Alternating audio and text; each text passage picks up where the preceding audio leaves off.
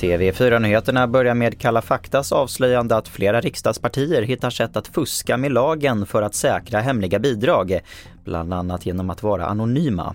Vi hör reporter Emil Hellerud berätta om granskningen men vi har gjort ett test och vi har utsatt alla riksdagspartier för samma test. Vi har tagit hjälp av två personer med en ansenlig stor förmögenhet så att partierna kan kolla upp det för de hör av sig till partierna via växeln och säger vi vill skänka mellan en halv och en hel miljon kronor, men vi har ett krav. Vi vill vara anonyma.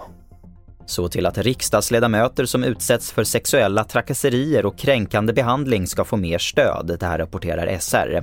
Riksdagsstyrelsen har bestämt att utsatta ledamöter kommer erbjudas tio stödsamtal istället för två som tidigare. Alla partier kommer också att erbjudas föreläsningar om sexuella trakasserier. Idag är det surströmmingspremiär och det råder stor brist på strömming i svenska vatten.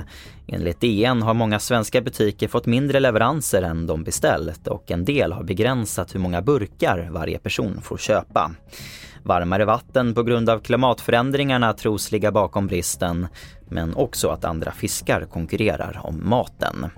Och det får sätta punkt för TV4 Nyheterna. Jag heter Albert Hjalmers.